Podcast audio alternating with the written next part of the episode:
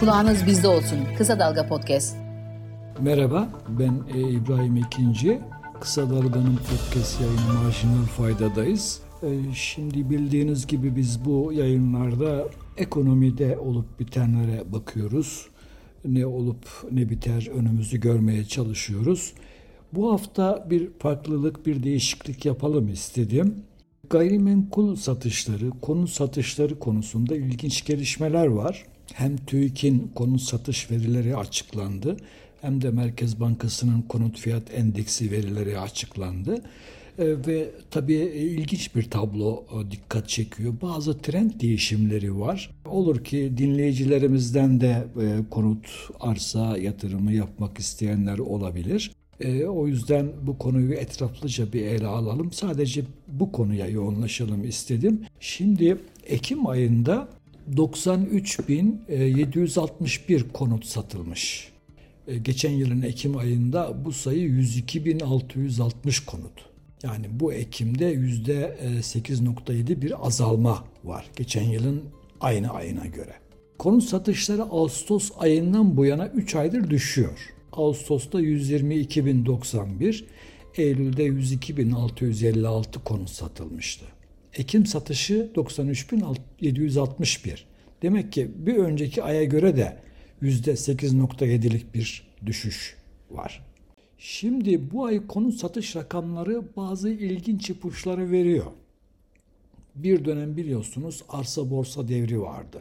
Bütün diğer yatırım araçları tasarruf sahibini enflasyona karşı korumuyordu. Vatandaş da ne yapıyordu? Bir borsaya hücum ediyordu. Çünkü o zaman hükümet de borsayı destekliyordu. Hatta destek alımları yapıyordu. Ve bir de konut arsaya yönelmişti vatandaş. Yani e, parasını bu şekilde değerlendirip enflasyondan kaçırmak istiyor idi. Bu konjonktür birçok yönde değişiyor gibi. Bir kere kredi kullanarak hani konut alımı yani ipotekli konut satışlarında çok büyük bir düşüş var. Ekim ayında ipotekli konut satışında %58 azalma olmuş. Diğer satış türlerinde de azalma var ama yok denecek kadar az. %1.4 düzeyinde. Vatandaş kredi ile konut alımından uzaklaşıyor anlaşılan. Kredili konut alımı toplamın sadece %5.9'u düzeyinde. Bu son 10 yılda ikinci kez oluyor.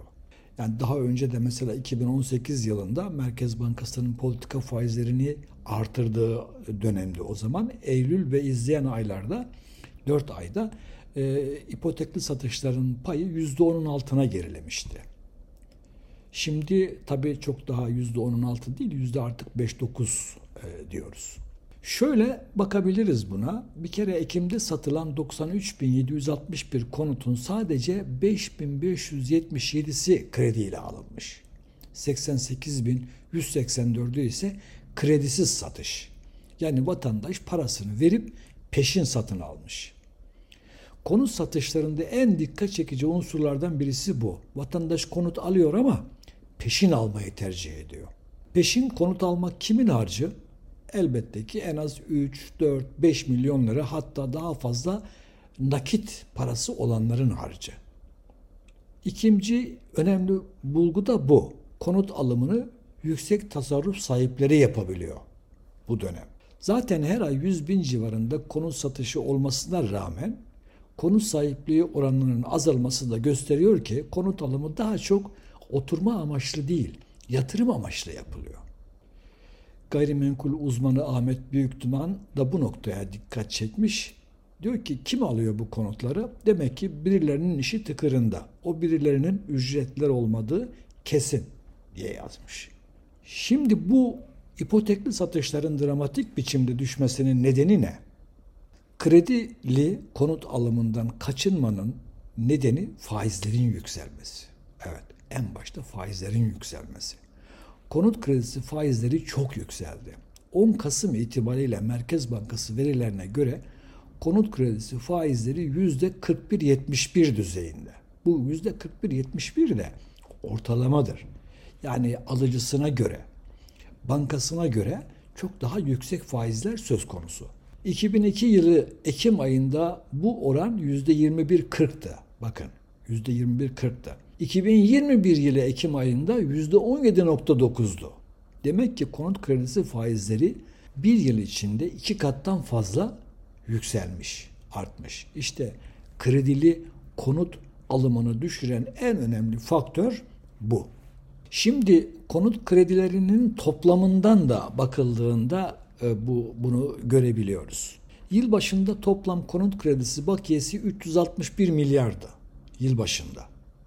Yükseldi, yükseldi. 29 Eylül'de o hafta 448 milyar liraya kadar çıktı. Bu rakam aynı zamanda zirve rakam.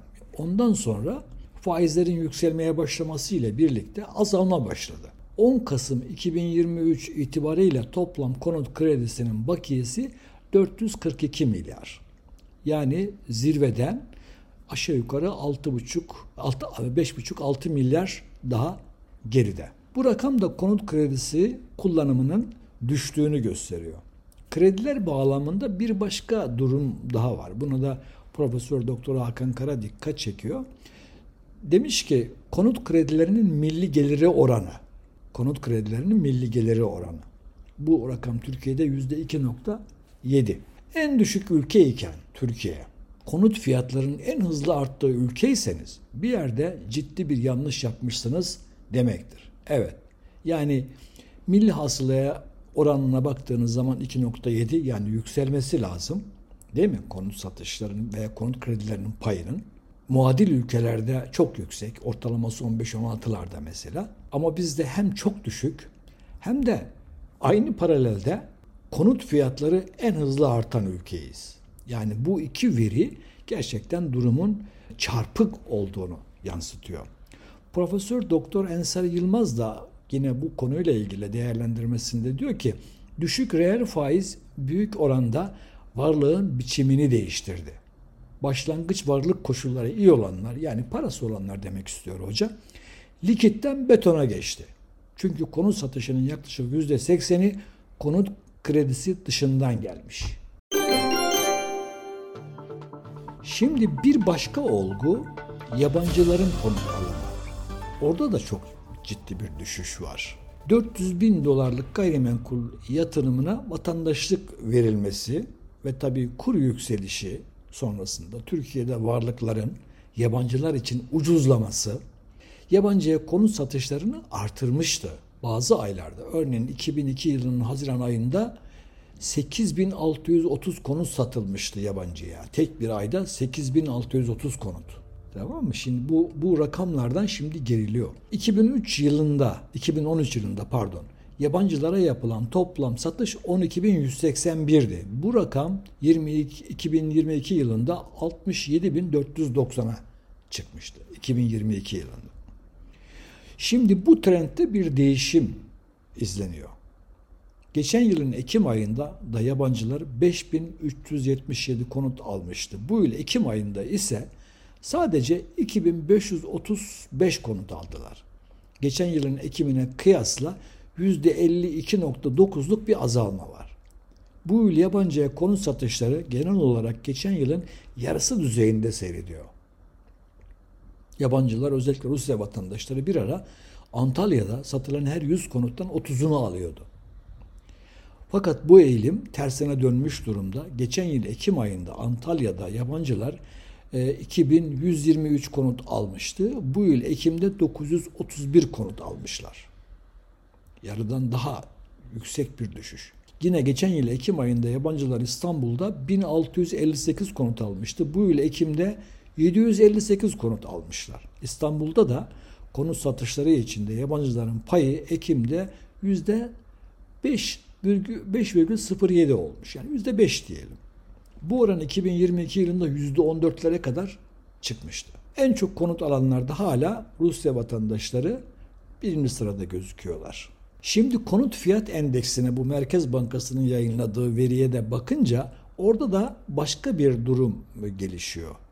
Artık güney illeri yani Muğla ve çevresi illeri değil, kuzey illeri moda olmuş gibi duruyor. TÜİK'in verisine Merkez Bankası'nın konut fiyat endeksiyle birlikte bakıldığında Dikkat çekici bir e, nokta bu. Pandemi dönemi hatırlayın. Bahçeli ev modası e, başlamıştı. Çünkü eve kapanmalar e, tabii sıkıcıydı. Vatandaş parası olanlar efendim böyle felaket durumlarında e, işte kapanmaları daha rahat geçirmek için bahçeli işte geniş teraslı evlere yönelmişlerdi ve biraz da sıcak iller diyelim buna yani güney illerine akım vardı. Muğla başta olmak üzere turizmle bilinen illerdeki fiyat artışları çok yüksekti. Bu trend değişmiş görünüyor. Merkez Bankası'nın Eylül ayı verisine göre konut fiyatlarının en çok arttığı bölgeler şimdi kuzey bölgeleri. Kastamonu, Sinop, Çankırı, Gümüşhane, Ordu, Rize, Trabzon, Ağrı, Ardahan ve Kars hatta bir de Iğdır'da konut fiyat endeksindeki artış yıllık yüzde 125'in üstünde. Ve bu tabii en yüksek oran. Bu durumu ne açıklıyor? Profesör Hakan Kara acaba küresel ısınma etkisi mi? Yani millet bu ısınmadan kaçıp biraz daha serin, daha soğuk bölgelere mi gidiyor? Ancak bana kalırsa bunda geçim koşulları da etkili. Yani e, bu yöreler halkı yoksuldur ve büyük kentlerde hani e, bu son dönemde ekonomik koşulların e, feci şekilde bozulmasıyla geçim artık hani çok zorlaştı. Dolayısıyla bir tersine göç, göçün de bu fiyat artışlarında bir etkisi olabileceğini düşünüyorum. Ama hani göç rakamları ortaya çıktığında bunu oradan yoklamak mümkün olacaktır. Şimdi Merkez Bankası'nın verisine göre bir, birkaç noktayı daha söyleyeyim. İstanbul'da konut metrekare fiyatı 44 bin liraya yaklaşmış durumda. 44 bin liraya. Yani ortalama kalitede 100 e, metrekarelik bir konutu 4,5 milyon liradan daha ucuza almak artık mümkün değil. Aynı nitelikteki bir konutu Ankara'da 2.2, İzmir'de ise 3.3 milyon liraya almak mümkün. Yani İstanbul almış başına gidiyor. Tabi bu kadar büyük bir nüfus yoğunluğu hani iş merkezine dönüşmüş olması bunu yaratıyor tabii ki. Şimdi bir önemli gelişme daha var. Onu da e, belirterek bitirelim. 2023 yılı Eylül ayında konut fiyat endeksindeki aylık artış %4.3 düzeyinde aylık. Bu aylık manşet enflasyonun ki %4.75'ti altında kalmış. Bakın konut fiyatlarındaki artış, aylık artış aylık enflasyon artışının altında. Yıllık bazda ise üstünde henüz. Yıllık bazda konut fiyat artışı %89.2. Ee, Eylül ayında manşet enflasyon yıllık %61.53'tü. Ama bu yüksekliği, bu yüksekliği önceki aylardaki aylık sert yükselişlerden geliyor. Şimdi bu manşet enflasyonun altında kaldıkça aylık bazda bu rakam da manşet enflasyona doğru gerileyecek. Konut fiyatlarında bir artışın yavaşladığını söyleyebiliriz. Bu son dönemde bir başka gelişme daha var. Onu da şehir planlısı gayrimenkul değerleme uzmanı Celal Erdoğdu'nun paylaştığı e, veriden fark ediyorum. Diyor ki toplam gayrimenkul satışları içinde konut dışı satışlar öne çıkıyor. Konut dışı. Konut dışı nedir? Arazi arsadır yani. Ekim ayı itibariyle toplam satışların %37.82'si konut iken %62'si konut dışı satışlardan oluşmuş. Trend olarak da konutun payı azalmaya devam ediyor. Erdoğan'ın lafı şöyle, tarlaya talep son hızda.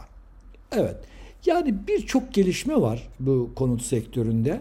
E, bu konuları değerlendiren, düşünen izleyicilerimizin, dinleyicilerimizin dikkatine sunmak için paylaştım. En önemli veri konut fiyatlarındaki artış yavaşlıyor. Yabancıya satışlar azalıyor. Toplam satışlarda bir azalma var. Ve konuttan çok gayrimenkul satışında tarla e, tercihi öne çıkmış gözüküyor ve güney illeri yerine kuzey illerindeki fiyat artışları daha fazla artmış görünüyor. Bu haftalık bu kadar. Önümüzdeki hafta tekrar görüşmek üzere. Hoşçakalın.